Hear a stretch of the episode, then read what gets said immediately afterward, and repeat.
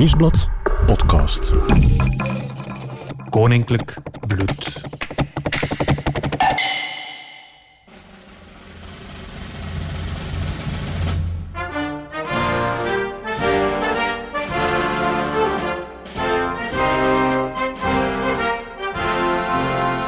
Dit is Koninklijk Bloed, een podcast over koning Filip en zijn bloedverwanten.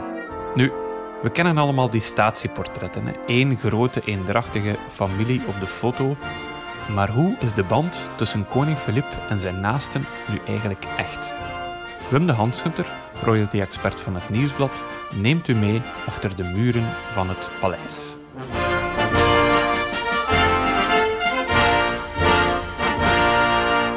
Dag luisteraar, ik ben Bert Heijvaart en ehm, normaal zou ik u welkom heten vanuit de studio op onze redactie van het Nieuwsblad. Dat is een klein gezellig kot, twee meter op twee, waar we normaal met vier, vijf mensen tegelijk inkruipen. Maar u hoort het al, het is niet echt verantwoord in deze coronatijden, dus zit ik hier in Gent en 50 kilometer verderop zit uh, Wim de Handschutter in Antwerpen. Wim is onze royalty-expert van het Nieuwsblad. Wim, welkom. Goeiedag Bert. Zeg Wim, um, hoe gaat het daar bij jou? Ja, net zoals bij u, opgesloten in mijn kot. Dus, uh, het zijn verwarrende tijden voor iedereen. Dus het coronavirus heeft ons allemaal goed in de greep. En moeten wij, als we deze podcast willen opnemen, het op deze creatieve manier moeten doen. Ja, dus dat is een heel gedoe geweest, maar, uh, maar het lukt voorlopig technisch. En misschien moeten we best eerst even uitleggen uh, waarom we deze podcast maken. Want het is naar aanleiding van een speciaal moment. Ja, koning Filip die wordt op 15 april wordt hij 60 jaar. En voor ons was dat natuurlijk een ideale gelegenheid om even stil te staan bij zijn leven. En we zijn eigenlijk op het idee gekomen om uh, zijn levensverhaal te vertellen aan de hand van zijn band met verschillende familieleden. En elke aflevering gaan we één specifieke band belichten. Waarom eigenlijk die band met zijn familieleden? Het lijkt vrij logisch dat een koninklijke familie um, goed aaneenhangt. Uh, maar in het geval van uh, Philippe is dat natuurlijk niet het geval. Hè. Hij komt uit een redelijk dysfunctionele familie. En eigenlijk als je nu naar Philippe kijkt, dan zie je toch een soort van timide, vaak nog onzekere, mensenschuwe man. Uh, en als je dan afvraagt van hoe is dat eigenlijk gekomen, moet je ook kijken naar zijn jeugd uh, of naar zijn kindertijd. Hij komt uit een gezin dat helemaal gebroken was. Albert en Paola die kwamen echt niet goed met elkaar overeen. We kennen het verhaal van de huwelijksproblemen van Delphine Boel die dan geboren wordt. Uh, uh, het maakt natuurlijk dat hij heel veel huiselijke warmte heeft gemist, geen warm nest heeft gekend. En het is pas als, we het, als, als Mathilde in zijn leven komt, hij is dan 40 jaar ongeveer, dat hij toch begint open te bloeien. Ja, ja, ja, maar we beginnen dus bij die, bij die kindertijd. En daar beginnen we met de persoon met wie Filip een heel nauwe, speciale band had. Dat was koning Boudewijn. Ja, het is niet een evidente uh, manier om een verhaal van Filip uh, mee te beginnen, omdat Boudewijn uiteindelijk al uh, een kwart eeuw geleden overleden is, of eigenlijk al meer dan 25 jaar geleden. Maar Boudewijn heeft nog altijd vandaag een impact op het leven en op het karakter van, van Filip. Als je nu ziet dat Filip eigenlijk best wel een plichtsbewuste koning is, dan heeft hij dat echt wel meegekregen van Boudewijn, van zijn oom en zijn grote mentor.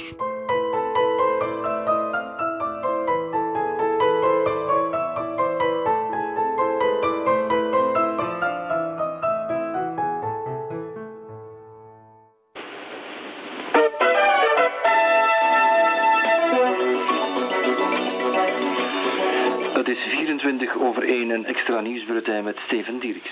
Koning Boudewijn is gisteravond in Spanje overleden. De vorst is gestorven aan een hartstilstand. De officiële mededeling van de regering luidt als volgt. De eerste minister heeft de grote droefheid aan de bevolking mede te delen dat zijn majesteit koning Boudewijn zaterdagavond omstreeks 21.30 uur in Motril, Spanje, aan de gevolgen van een hartstilstand is overleden. Dit was een extra nieuwsbulletin uit de nacht van 31 juli op 1 augustus 1993. Um, iedereen vanaf een jaar of 30, 35 zal uh, nog wel weten waar hij die ochtend was, hè, toen het nieuws van de dood van Boudewijn werd aangekondigd. Weet jij het nog wel? Ja, ik was op dat moment 12 jaar en mijn moeder is aan mijn bed komen staan en die zei, de koning is dood. Ze zei niet dat koning Boudewijn was, ze zei de koning. Dat wijst er natuurlijk op dat het over een iconisch figuur gaat. Uh, heel veel generaties heeft hij uh. Heel veel generaties hebben nooit een andere koning dan Boudewijn dan Boudewijn gekend. En dan ben ik onmiddellijk naar beneden gegaan. Nog altijd in de verwachting dat ik dan het gewone leven voortging. Dat ik naar Samson en Gert kon kijken. Maar in de plaats daarvan zagen we alleen maar een foto van, van een man die wij kenden van statieportretten op school of postzegels of bankbiljetten. En vanaf dan was het eigenlijk wel uh, ja, een soort van massahysterie in België. Hè. Ja, hoe is dat nieuws eigenlijk tot bij ons geraakt? Want ik denk, ja, nu zouden we overladen worden met pushberichten van allerlei nieuwssites. Uh, hoe was dat toen eigenlijk? Ja, toen bestonden er nog geen smartphones, uh, geen internet en pushberichten. Dat was er helemaal, dat, die bestonden helemaal niet. Boudewijn is op een zaterdagavond gestorven. We hebben er juist het radiobulletin gehoord dat in het midden van de nacht is, ehm, is uitgezonden. Maar ja, de meeste mensen hebben het pas zondagochtend vanochtend gehoord dat het bericht dat koning Boudewijn is overleden. Iedereen voelde alsof er een vertrouwd figuur uit het eh, leven werd weggerukt. En uiteindelijk, eh, premier De Hane heeft toen het volk toegesproken die avond en heeft op een heel treffende manier eh, verwoord hoe dat de mensen zich voelden.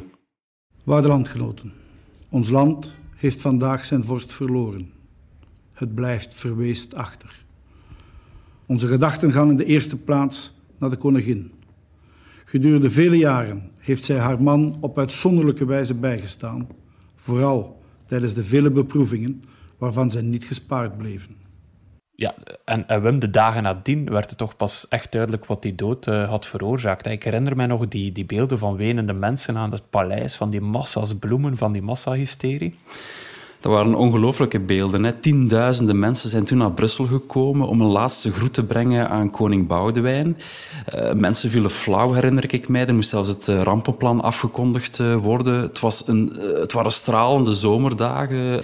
En uiteindelijk zijn er toen uitspraken gedaan door journalisten die toch wel bijzonder waren. Bijvoorbeeld Sigfried Brakke, als je weet dat hij daarna naar de NVA is gegaan, die heeft toen het volgende verteld over wat er gebeurde toen in Brussel.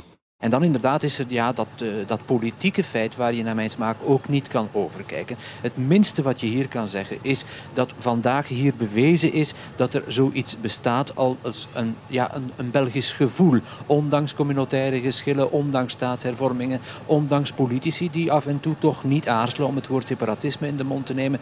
De mensen waren hier en dat moet toch verklaard worden vanuit dat Belgische gevoel.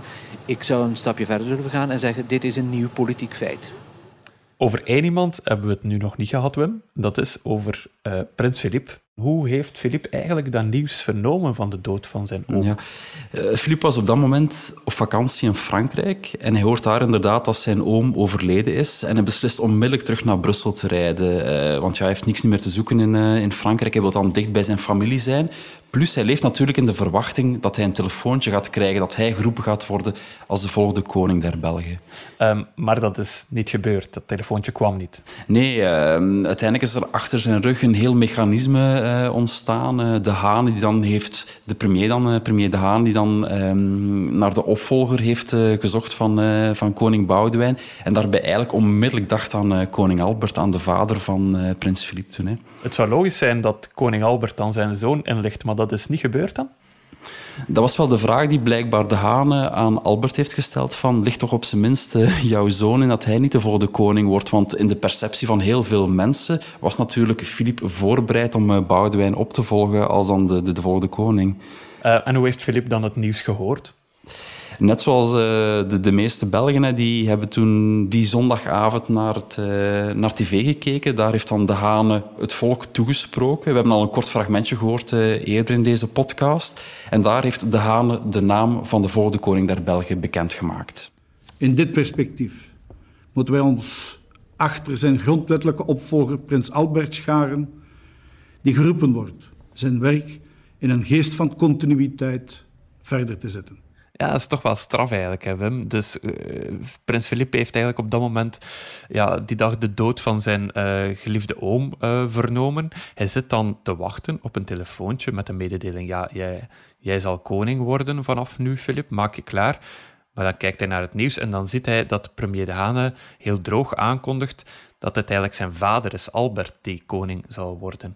Um, ja, heeft Filip op dat moment eigenlijk nog contact gehad met premier De Hane? Ja, nog diezelfde avond. Hè, toen is het lichaam van koning Boudewijn teruggebracht vanuit Motril naar België. En op de militaire luchthaven van Melsbroek hebben eh, De Hane en Filip elkaar teruggezien. En blijkbaar heeft Filip eh, De Hane toen bedankt voor wat hij gedaan heeft, eh, voor de goede zorgen dan Maar ik denk dat hij diep, diep in zichzelf toch wel een ander gedacht. Dat het toch wel zwaar ontgoocheld was hoe het allemaal is verlopen. Hoe dat zijn vader dan de troon heeft gekregen, tussen aanhalingstekens.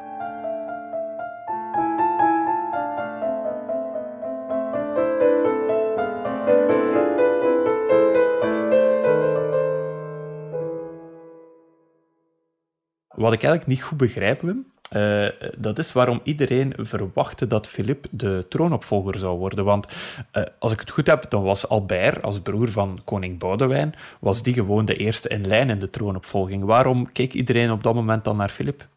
Ja, je hebt inderdaad de theorie. Hè. Dus uh, Albert was eerst in de lijn van de troonopvolging en dan pas als tweede Filip.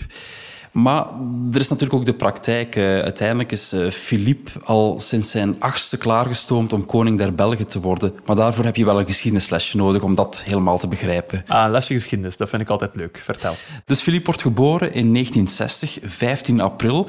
Boudewijn is dan 30 jaar, zit al 10 jaar op de troon, maar heeft nog geen koningin, nog geen vrouw naast zich.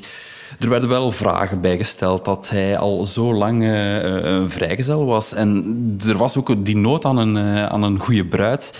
En uiteindelijk heeft toen uh, Boudewijn kardinaal Soenes in vertrouwen genomen. gezegd van oké, ik moet nu wel dringend op zoek gaan naar een geschikte vrouw.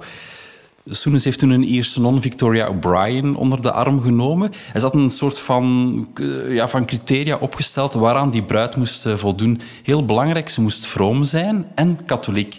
En toen is O'Brien naar Spanje gegaan om daar op zoek te gaan naar de geschikte bruid voor Boudewijn. Waarom naar Spanje eigenlijk? Uh, Spanje is een heel katholiek land, dus het was bijna evident dat, hij, uh, dat zij die richting uitkeken om die bruid voor Boudewijn uh, te zoeken. En O'Brien is toen in contact gekomen met een directrice van een meisjesschool. En die vrouw die had in haar bestand nog een oud leerling zitten, waarvan ze dacht van oké, dat is wel een, uh, dat kan misschien wel de geschikte kandidaat zijn. En dat was Donna Fabiola de Mora y Aragon. En O'Brien is dan bij Fabiola terechtgekomen en ze heeft via briefwisseling Boudewijn op de hoogte gehouden hoe haar, uh, ja, hoe haar verstandhouding met die Fabiola was. En in die briefwisseling gebruikte ze wel een codenaam voor Fabiola en dat was Avila. En zo klonk bijvoorbeeld een van die brieven.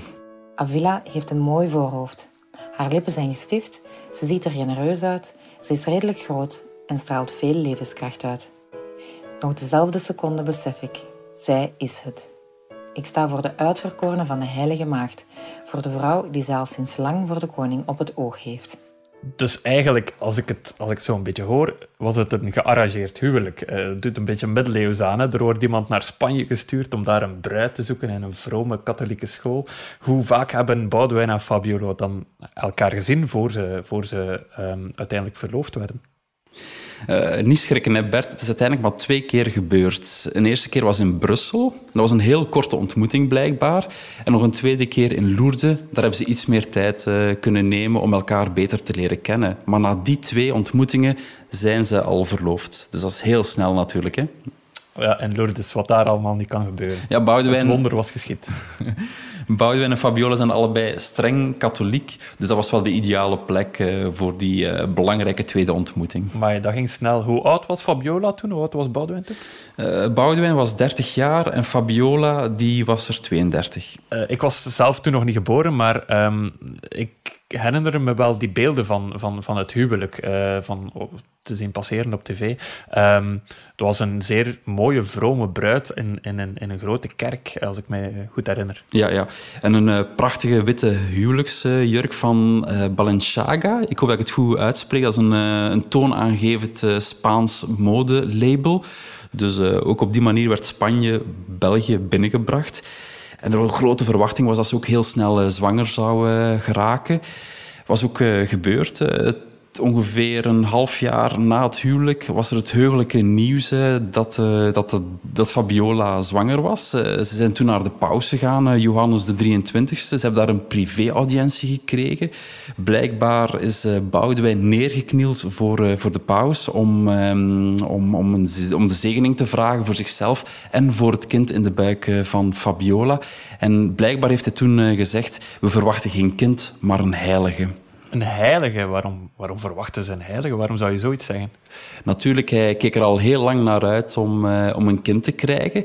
Je moet ook weten, een koning uh, heeft ook een soort van dynastieke verplichting. Want hij moet een erfopvolger uh, voortbrengen. Hij moet, moet het voortbestaan van de dynastie garanderen.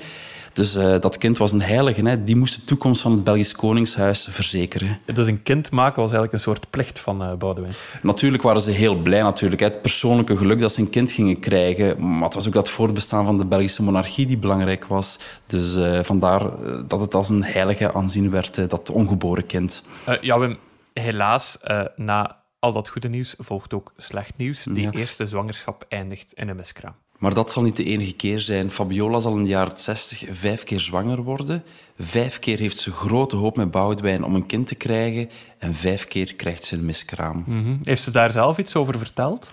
Uh, zowel Fabiola als Boudewijn hebben daar heel weinig verklaringen over uh, uh, afgelegd. Het was een heel pijnlijke familiehistorie. Maar uiteindelijk, uh, Boudewijn heeft één keer een toespraak gegeven. Dat was in 1979, dat was het internationale jaar van, uh, van het kind. En toen heeft hij een tuinfeest gegeven in Laken met heel veel kinderen daarbij. En toen heeft hij zich tot hen gericht en het volgende gezegd. Stilaan zijn wij gaan begrijpen dat door zelf geen kinderen te hebben, er meer plaats vrij is in ons hart om alle, werkelijk alle kinderen lief te hebben. Wat uit dit fragment heel duidelijk blijkt volgens mij, is dat er een heel groot verdriet was bij Boudewijn en Fabiola, omdat ze zelf geen kinderen konden krijgen.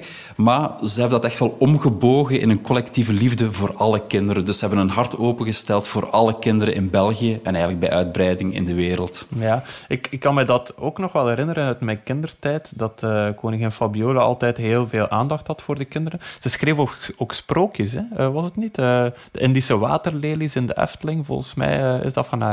Ja, dat klopt inderdaad. heel veel kinderen um, en, en, en, volwassenen gaan zich inderdaad uh, Fabiola herinneren omwille van uh, die Indische waterlelies in de, in de Efteling.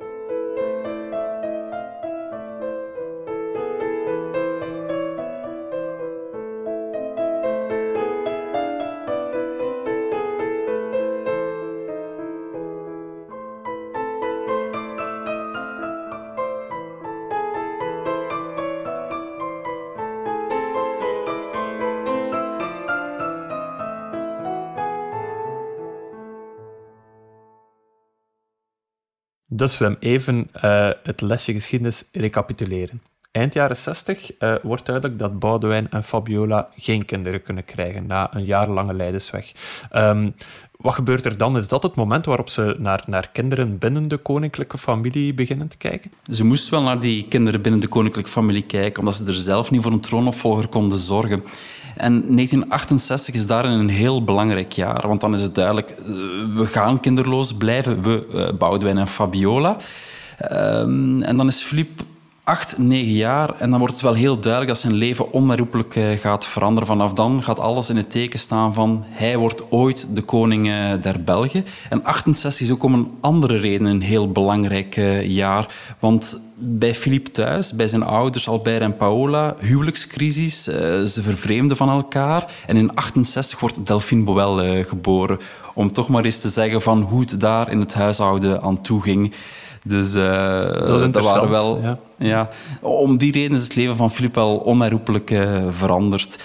Uh, maar naar mijn mening is dat eigenlijk ook wel een beetje het geluk geweest uh, van Filip dat zijn tante en zijn oom hem onder, zijn, onder, onder hun vleugels hebben genomen, omdat hij bij Boudewijn en Fabiola toch die nestwarmte, die huiselijke warmte kon vinden, die hij thuis bij Albert en Paola niet meer vond.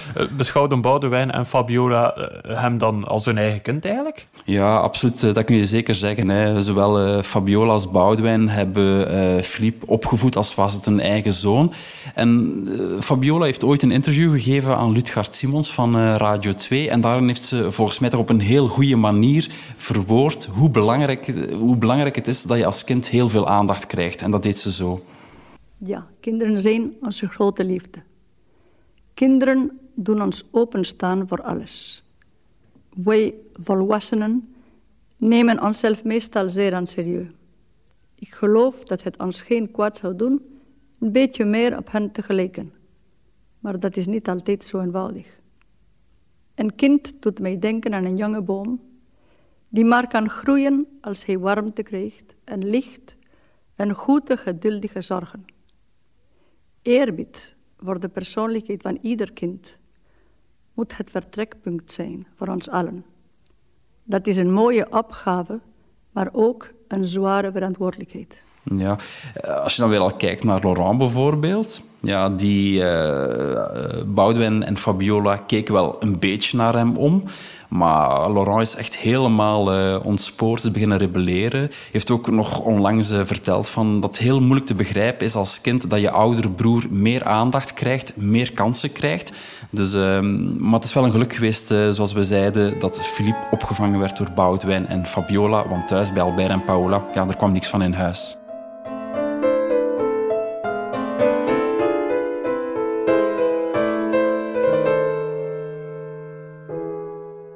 Wat me eigenlijk wel opvalt uh, in wat je daarnet vertelde, is, je zei, uh, Philip was een jaar of 8 en 9, uh, 1968, toen hij te horen kreeg van, ja, jij zal ooit koning worden van België.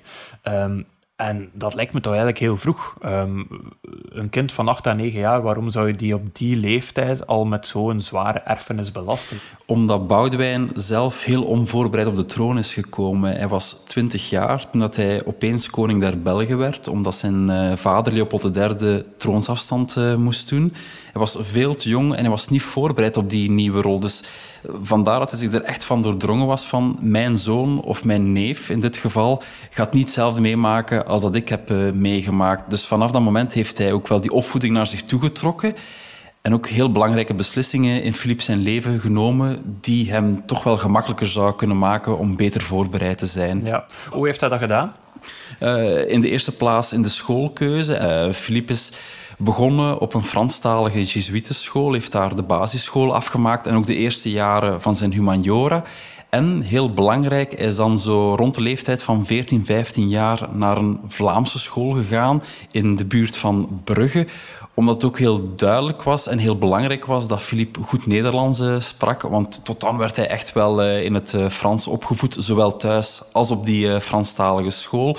Dus ook toen heeft Boudewijn de beslissing genomen, we gaan ook dat Nederlands verbeteren. Ja, dat, dat doet me eraan denken. Heeft Philippe vorig jaar niet iets, iets een beetje sluiks gezegd over zijn schooltijd, dat hij toch niet altijd even gelukkig was?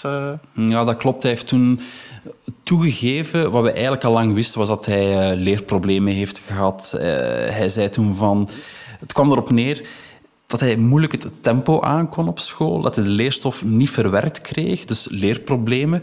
Uh, hij zei van ja, uh, bepaalde schooltypes zijn niet aangepast aan de leerlingen. Uh, gelukkig is er ondertussen in het onderwijs heel veel gebeurd, maar hij heeft er wel zware problemen van gekend. Ja, zeker de omschakeling naar een Nederlandstalige school, als je altijd in het Frans opgegroeid bent ja, dat is wel een uh, groot probleem. Maar in die zin, dat is een andere belangrijke onderwijs of belangrijke uh, keuze die Fabiola en Boudewijn hebben gemaakt in, het, uh, in de jeugd van, van Philippe, is dat ze ook een eigen scoutsgroep hebben opgericht op het kasteeldomein van Laken. Een scoutsgroep, een, een echte koninklijke scoutsgroep ja. dan, in de ja, tuin. Speciaal, hoe moet ik me dat voorstellen? Een, een scoutsgroep speciaal voor Philippe opgericht. Het idee kwam van Fabiola. En alle leden eh, van die scoutsgroep die werden eigenlijk eh, gerecruiteerd uit bestaande eh, jeugdbewegingen in Brussel. En er werd er was, of er was één belangrijke voorwaarde wat de leden aan moesten voldoen. Ze moesten perfect en keurig Nederlands spreken. Want Philippe, opgegroeid in het Frans, die moest zijn kennis van het Nederlands verbeteren. En daarom werd die scoutsgroep opgericht. Maar dus er werden effectief kinderen bij, in verschillende andere scoutsgroepen uh, gevraagd van komen jullie spelen in de tuin van de koning? Niet alleen daar. Hè. In uh, Laken er werden ook activiteiten buiten, buiten de kasteelmuren uh, georganiseerd. Dan gingen ze met de tram of met de fiets of met de auto of met de bus naar uh, andere plekken. Ze hebben bijvoorbeeld de Heizel bezocht, uh, de Zoo van Antwerpen, de Kalmthoutse Heide. En wat ook heel belangrijk was in, in dit verhaal, hij leerde niet alleen Nederlands, onze Philippe, maar hij werd ook in contact gebracht met, tussen aanhalingstekens, gewone jongeren uit, uit, uit Brussel. Dus er was ook het contact met het gewone volk, als je dat zo kunt zeggen. En liep dat vlot? In het begin was dat een groot probleem hè, voor Philippe, omdat hij nog niet zo goed Nederlands praatte. Dus er was een taalbarrière. Maar uiteindelijk was het voor hem ook bevrijdend dat hij in contact kon komen met leeftijdsgenoten die met beide voeten in het gewone leven stonden. Dus voor hem was dat ook een beetje bevrijdend, kun je, zo kun je het wel zeggen. Ja, ja, ja. En die scouts, ja, dan denk ik meteen ook aan een totemnaam. Had hij een totemnaam? Die heeft uiteindelijk nooit gekregen, want na vier jaar is die groep ook opgeheven. Is nooit jongverkender geworden, dus hij heeft ook nooit een totemnaam gekregen. Oh, dat is jammer. We kunnen eigenlijk alleen maar uh, een beetje fantaseren wat die totemnaam dan had kunnen zijn. Um, maar uh, wat ik mij wel nog afvraag, ja, je, bent hier bezig over uh, Boudewijn en Fabiola die een heel traject uitstippelden. Waren zij het die het alleen in handen hadden? Um, of, of zat daar nog een heel, ja, een heel hofhouding achter, achter de kleine Filip? Je kunt zeggen dat er een soort van raad van wijze was aangesteld van een viertal adviseurs die, uh, die Boudewijn en Fabiola bijstonden om de juiste keuzes uh, te maken. Want ja, op een gegeven moment is die middelbare school afgerond en is de vraag van hoe kun je een toekomstige koning voorbereiden op, uh, ja, op die rol die hij ooit gaat moeten vervullen. En dan is Philippe uiteindelijk naar de Koninklijke Militaire School gegaan. Heel belangrijk, want als koning gaat Philippe dan ooit uh, uh, nog aan het hoofd staan van het uh, Belgische leger. Dus hij moest dan een militaire opleiding krijgen. En daarna is hij ook nog in het buitenland gaan studeren aan universiteiten. Eerst in Oxford, Engeland, en dan nog eens twee jaar in Amerika aan de Universiteit van Stanford. Kunnen we dat dan vergelijken met, met wat Elisabeth nu aan het doen is? Is dat dan echt gewoon alleen op kot ergens uh, in Engeland, in Wales in het geval van Elisabeth, maar hoe zat dat dan bij, bij Philippe? Ja, uh, Elisabeth is eigenlijk al op heel jonge leeftijd naar het buitenland gegaan. Ja. Philippe die was... Ehm, die moet dan al over de twintig geweest zijn. En wat daarin belangrijk is, hij heeft altijd gezegd van die twee jaar in Stanford, dat waren eigenlijk de gelukkigste jaren, twee van de gelukkigste jaren van mijn leven. En als hij dan uh, Elisabeth, zijn dochter, naar Wales stuurt, dan denk ik ook wel van, dat heeft meegespeeld, zijn eigen ervaring. Want uiteindelijk in, uh, in Stanford is hij helemaal uh, opengebloeid. Hij kon daar anoniem zijn. Niemand kende hem daar. zijn, ehm, ja, zijn medestudenten wisten wel dat hij prins was en hebben hem toen ook prins genoemd naar de, naar de artiest.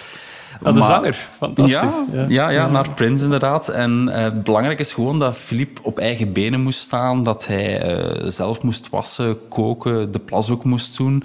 Uh, en voor de rest heel veel studeren. Maar belangrijk, hij kon heel anoniem in het leven staan daar. En niemand kende hem daar toch ook. Ja. Heeft hij een zwaar studentenleven gehad, Wim? Of? Is dat allemaal onder de radar gebleven? hij, is, uh, is, een tiental jaar geleden is hij terug naar Stanford gegaan en daar hebben journalisten ook kunnen spreken met oud-studiegenoten van hem. En die zeiden wel van, uh, hij was aan het studeren, studeren, studeren. En ook geen overpoort in Stanford natuurlijk. Hè. Dat is natuurlijk ook een groot Ik denk niet dat hij een zwaar studentenleven heeft gehad. Dat hij heel vaak op cafés gegaan of wat dan ook. Dus uh, hij zat vooral op zijn kot, want hij zat op kot op zijn eigen kamer, een kleine kamer. Dus uh, ja, het was vooral studeren.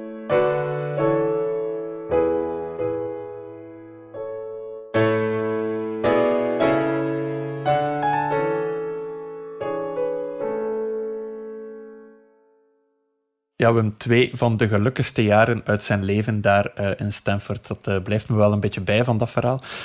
Um, maar hoe was het dan toen hij terugkwam? Um, uh, hij keerde dan terug uit Stanford naar België. kwam hij dan uiteindelijk weer bij Boudewijn en Fabiola terecht? Ja, het is 1985 dan. Hij is 25 jaar en hij gaat alleen wonen. Dus ik ga niet bij Boudewijn en Fabiola inwonen. Maar het is wel heel duidelijk dat die twee een heel belangrijke rol spelen. nog altijd een belangrijke rol spelen en dat gaan blijven, uh, blijven doen. Want Philippe gaat in het weekend heel vaak, bijvoorbeeld bij Boudewijn en uh, Fabiola in Chernion, een naam van een plaats die je waarschijnlijk uh, kent, wat het koninklijke, koninklijke buitenverblijf is. Dus hij is daar heel vaak, ze biljarten graag met z'n tweeën. En wie won ook... weten we dat? Nee, dat weet ik niet. Maar er is zo één foto die heel vaak gebruikt wordt als het over Philippe en Boudewijn gaat. Dat is aan de biljarttafel. Dus dat was een heel belangrijk moment tussen uh, oom en neef. En daarnaast natuurlijk heel vaak uh, heel lange gesprekken die ze met elkaar uh, voerden. En was het eigenlijk een beetje Boudewijn die, die zijn neef doseerde over wat het koningschap inhield. Hoe zwaar dat, dat was, welke accenten dat ze moesten leggen. Hoe dat een koning zich moest verhouden tot de politici en andere belangrijke leiders in het land. Dus uh, Boudewijn was op dat moment een heel belangrijke leermeester voor, uh, voor Philippe. Ja, nu je, nu je over die twee zit te vertellen, um, ja, lijken het wel ja, een beetje karakters die op elkaar lijken. Als je Philippe nu ziet, waren het toen al een beetje soulmates ook? Ja, dat was heel duidelijk. Hè eerst en vooral uh, neef en oom. Een sterke band. Uh, daarnaast allebei streng katholiek. En Boudewijn zag bijvoorbeeld het koningschap als een missie. Uh, hij, hij, wou bijvoorbeeld het, het, land redden, want toen al stond het land onder druk met de spanningen tussen Vlamingen en Franstaligen.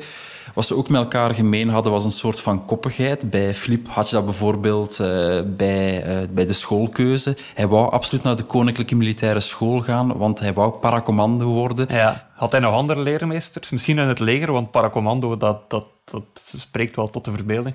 Ja, in, in het leger heeft hij heel veel uh, blijvende contacten gehad. Maar daarnaast had Boudewijn ook een soort van uh, ja, een raad samengesteld van belangrijke uh, figuren uit de Belgische samenleving die dan naar Flip kwamen om, om les te geven.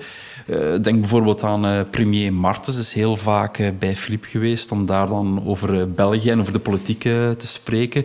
Er was ook een bekende professor grondwettelijk recht die Flip als, als leerling had. Uh, waren dat echt lessen die hij kreeg? Uh, was dat dan Martens die voor een schoolbord stond en Philippe die op een bankje zat? Of hoe moet ik me dat voorstellen? Ik denk dat we vooral moeten uh, kijken naar een tafel waar twee stoelen rond staan en waarschijnlijk ook met naslagwerken rond de tafel werd gezeten om dan die les te krijgen kreeg jij eigenlijk ook nog ergens anders les? Want dit lijkt me allemaal heel beperkt hè, binnen, binnen um, ja, de hofhouding, uh, binnen het veilige domein van Laken, van, van het paleis. Um, ging je nog ergens anders naartoe? Het was ook belangrijk dat Filip gevormd werd als mens. Dus het was belangrijk dat hij ook reizen maakte, dat hij de wereld rondtrok. En zo is hij bijvoorbeeld uh, naar een vluchtelingenkamp in Ethiopië geweest, samen met uh, Artsen zonder Grenzen. Uh, hij heeft ook een maand incognito als vrijwilliger meegewerkt in een sterfhuis van uh, moeder Teresa in India.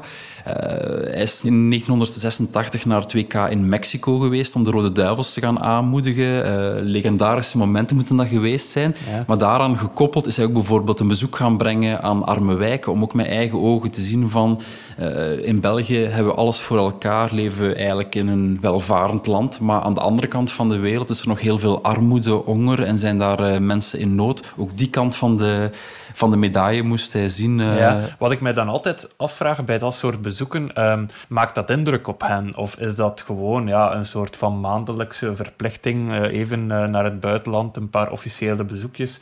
Um, ja, geraken ze echt onder de indruk als ze, als, ze, als ze zo worden rondgeleid in die arme wijken in Mexico bijvoorbeeld? Het was niet altijd vrijblijvend wat Filip gedaan heeft. ik heb de voorbije jaren ben ik dan vaak meegeweest met Filip en Mathilde dan op een staatsbezoek of op een officiële reis.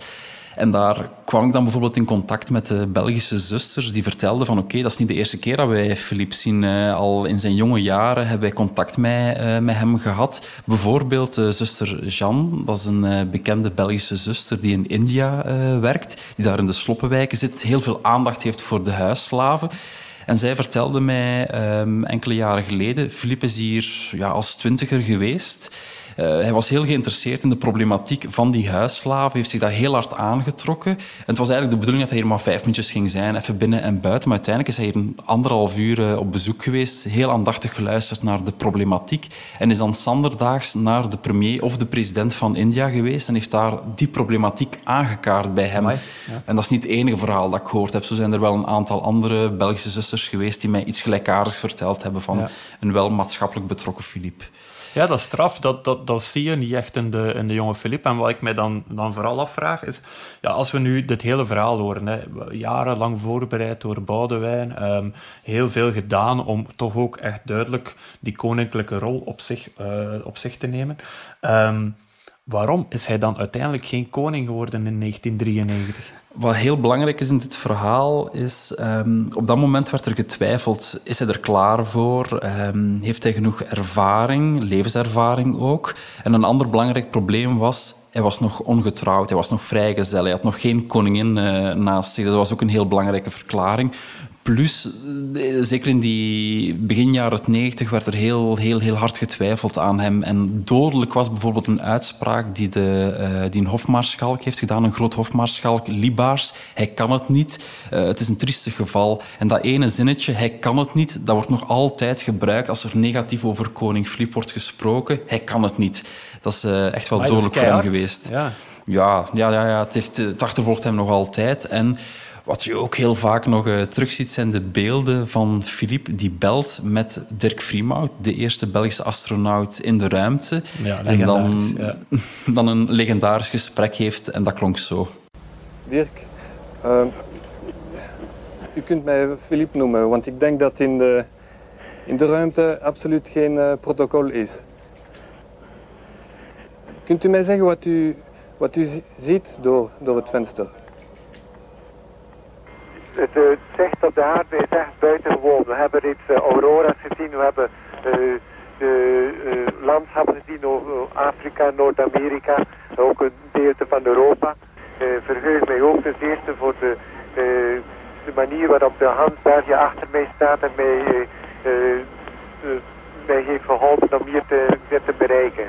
Ja, dat zijn natuurlijk quotes die, die je blijven achtervolgen. Hè. Um, uh, maar toch, ik zou dan denken, allee, Boudewijn heeft alles gedaan om hem voor te bereiden op die troon. Um, hij zit in het vizier. Uh, ik vind het nog altijd zeer vreemd dat hij uiteindelijk in 1993 zelfs niet eens gebeld is na de dood van Boudewijn. Uh, wat is er daar juist gebeurd? Wat je moet weten is dat uh, Boudewijn ervan uitging dat hij nog veel langer ging leven. Hè. Boudewijn is op zijn 62e gestorven. Hij ging een maand, anderhalve maand later ging hij 63 worden. Dus op zo'n leeftijd verwacht je niet dat je gaat sterven. Dus hij dacht van oké, ik ga nog jarenlang Filip kunnen voorbereiden op de troon. Dat gaat wel goed komen. Tegen dan gaat hij ook een vrouw gevonden hebben. Perfect om dan gelanceerd te worden als, uh, als koning. Maar dat gebeurde niet.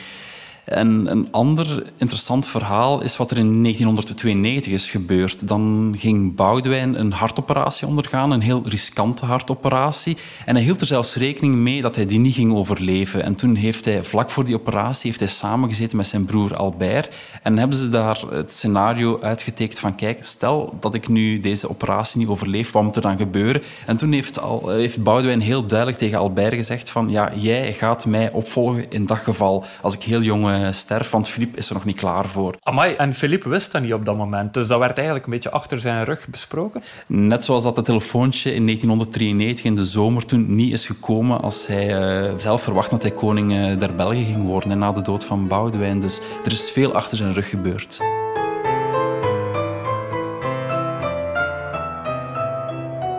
Ja, we zijn nu 2020, eh, 27 jaar na de dood van Boudewijn. Dus waar we nu over gepraat hebben, dat is eigenlijk ja, dat is al een vrij ver verleden. Hè. Heel die opleiding die Boudewijn aan Philippe heeft gegeven. Um, is er eigenlijk nu nog een, uh, vandaag nog een bepaalde invloed die Boudewijn heeft op, uh, op koning Filip? We moeten maar naar 2018 kijken. Toen was het 25 jaar geleden dat Boudewijn overleden is. En toen heeft Philippe twee schilderijen geëxposeerd. Twee van zijn eigen kunstwerken in het, uh, in het paleis van Brussel. Hij had zijn vader kunnen schilderen, koning Albert. Maar wie stond er op het portret? Koning Boudewijn, dus zijn grote voorbeeld. Dat was al een eerste teken. Ja. En op hetzelfde moment, Nationale Feestdag 2018, gaf hij ook zijn toespraak, zijn jaarlijkse toespraak voor Nationale Feestdag. En toen heeft hij heel nadrukkelijk verwezen en hulde gebracht aan koning Boudewijn. Koning Boudewijn was een man van hoop. Hij haalde zijn kracht uit een diep geloof in de mens. Altijd bereid om te luisteren. Altijd klaar om ieders sterke kanten tot hun recht te laten komen. Dat is voor ons een krachtige bron van inspiratie. Dus eigenlijk, Wim, kan je zeggen dat koning Boudewijn nog altijd wel voortleeft in koning Filip. Als je ziet hoe dat koning Filip het koningschap invult, dan zie je ongetwijfeld de parallellen. Hè. Ze zijn allebei heel plichtsbewust. Het zijn harde werkers. Ze komen graag onder de mensen. Uh, ze willen een koning van het uh, volk zijn. Maar er was aan de andere kant ook wel die vrees bij de politiek en bij de publieke opinie dat uh, koning Filip te fel op Boudewijn zou lijken. En dan te fel, dat slaat dan op het feit van de, de, de mindere kanten van uh, Boudewijn, van zijn, van zijn koppigheid. Uh, herinner bijvoorbeeld dat hij ooit weigerde om de abortuswet te ondertekenen, om die te bekrachtigen. Is toen 36 uur uit het koningschap ontheven, heeft het parlement het dan uiteindelijk goedgekeurd. Dus de vraag was van, ja, gaat Filip op eenzelfde manier reageren als er ethische dossiers op tafel komen, uh, is bewezen van niet. Dat hij mhm. uiteindelijk de grenzen van zijn koningschap uh, beter kende. Er is ooit dan in zijn koningschap de, um, de wet op euthanasie bij jongeren uh, moeten goedgekeurd worden. Heeft Filip uiteindelijk gedaan. Dus zoals ik zei, hij kent de grenzen van zijn koningschap veel beter heeft ook een duidelijker zicht van wat hij kan als koning als het dan gaat uh, om de politiek. Uiteindelijk heeft hij al bij al een redelijk goede relatie uh, met de N-VA.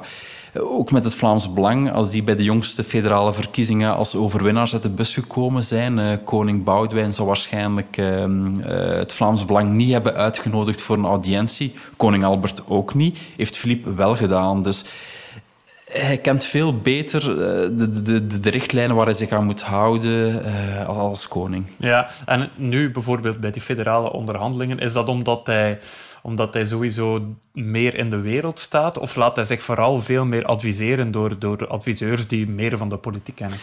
Uh, de succesformule van koning Filip, waarmee hij redelijk goed uh, als, als koning uit de startblokken is geschoten, is dat hij ook goed omringd is geworden hè, door adviseurs. Uh, en er wordt altijd verwezen naar Frans van Dalen, zijn eerste kabinetchef, die de eerste vijf jaar van Filip als koning heeft meegemaakt. Ondertussen Vincent Houssiot heeft Frans van Dalen opgevolgd is ook heel hard uh, bedreven in het uh, politieke mijnenveld. Het is heel belangrijk dat op een goede manier wordt uh, geadviseerd. En natuurlijk, Filip is een koning van 2020. Boudewijn, dat gaat dan over de jaren 60, 70, 80, 90. Een heel ander tijdperk. Ja.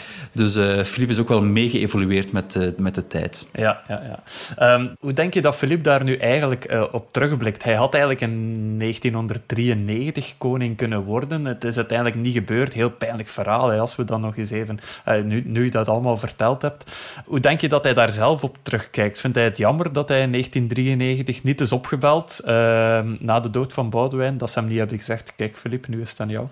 Ja, in 1993 moet dat een heel pijnlijk moment geweest zijn. Hè? Je verwacht dat je koning gaat worden en dan krijg je het nieuws nog via anderen meegedeeld dat het je vader gaat worden die die, die koning wordt. Heel pijnlijk, dat spreekt voor zich. Maar ondertussen heeft hij twintig jaar kunnen uh, rijpen. En als hij volgens mij nu terugkijkt op wat er in 1993 gebeurd is, moet hij toch wel blij zijn dat het op die manier is gelopen. Uh, hij heeft nog veel meer levenservaring gekregen. Heeft ook als kroonprins veel duidelijker, een duidelijker vorming gekregen. En natuurlijk een heel belangrijke factor, misschien wel de belangrijkste factor, is zijn huwelijk met koningin Mathilde. Dus die heeft hem wel een beter mens gemaakt, ongetwijfeld.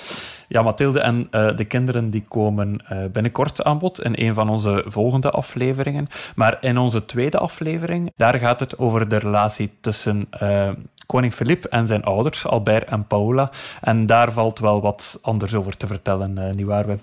Heel veel zelfs, want die relatie tussen Filip en zijn ouders is al vanaf zijn kindertijd heel getroubleerd. En sinds hij koning is geworden in 2013 is die relatie eigenlijk alleen maar verslechterd. Je kunt zelfs zeggen dat Albert en Paola stokken in de wiel hebben gestoken bij Filip. Maar dat zal ik wel eh, de volgende keer uitleggen.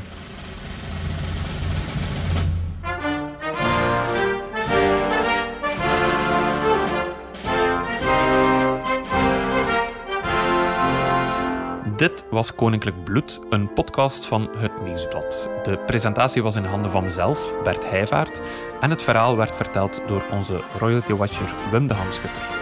Speciale dank gaat uit naar de VRT voor het gebruik van de audiofragmenten en ook naar onze monteur Jeremy Vatorel van House of Media. De versie van de Brabanson verkregen we via Creative Commons. En de eindredactie van deze podcast was in handen van Eva Hugon. Ja, beste luisteraars. En dan maak ik heel graag nog reclame voor de andere podcast van het Nieuwsblad. Voor eerst is er natuurlijk Shotcast voor onze voetballiefhebbers. Nu, de competitie ligt stil, maar Shotcast, die mannen gaan gewoon door. Guillaume, Lars en Gert, die uh, presenteren ook vanuit een kot. En die nodigen bekende voetballers uit via Skype. Uh, en daarnaast is er natuurlijk ook nog de courses van ons voor de wielerliefhebbers. En de stemmen van Assisen, uh, voor wie al eens graag luistert naar een spannend justitieverhaal. Voor wie tijd heeft, uh, daar in zijn kot zou ik zeggen, zeker eens checken. Net als de geprezen podcast van De Standaard, trouwens van onze collega's van De Standaard, die elke dag een aflevering maken van DS Audio.